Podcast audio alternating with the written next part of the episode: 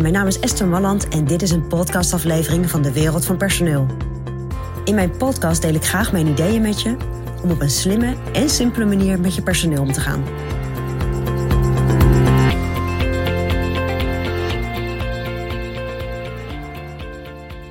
Ja, een beetje een rare titel, hè? Geef de achterblijvers aandacht. Achterblijvers als in de mensen die niet goed meekomen. Dat is niet wat ik bedoel. Ik bedoel de achterblijvers, de mensen die niet bij je weggaan. En ik hoop dat je daar heel veel van hebt.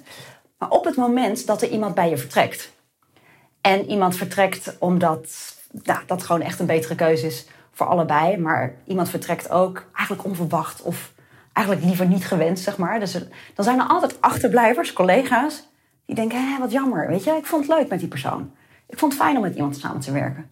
Of medewerkers die achterblijven, die zeggen, oh, oké, dan moeten we het weer zelf gaan doen. Of, oh jee, dan komt er weer heel extra veel werk bij ons bij ons sport. En wat we merken in onze contacten met, uh, met ondernemers en leidinggevenden, is dat soms, en dat snappen we ook, de aandacht eigenlijk even naar jezelf gaat.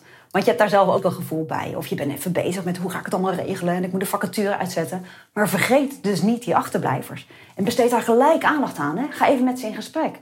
Hey, wat, wat doet dat voor jou hè, dat deze persoon weggaat? Of joh, hoe, wat zie je nu op je afkomen nu deze persoon weggaat? Dus besteed gelijk contact ook aan de achterblijvers.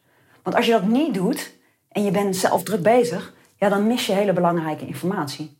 En dat is de informatie namelijk over de motivatie van de mensen die achterblijven. Want dat is wel belangrijk. Als er iemand weggaat, ontstaat er toch een gat. Ja, dat, dat doet iets natuurlijk met, de, met degene die er nog zitten. Dus besteed daar aandacht aan. Ga even met mensen individueel in gesprek.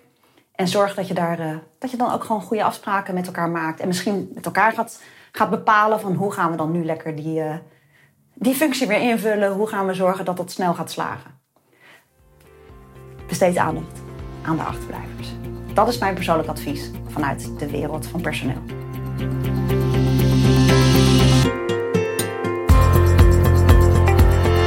Ja, vond je dit een interessant advies? Abonneer je dan op dit kanaal. En wil je nog meer van onze gratis adviezen? Ga dan naar www.dewereldvanpersoneel.nl forward slash gratis. En daar vind je nog veel meer informatie. Bedankt voor vandaag voor het luisteren en tot de volgende keer.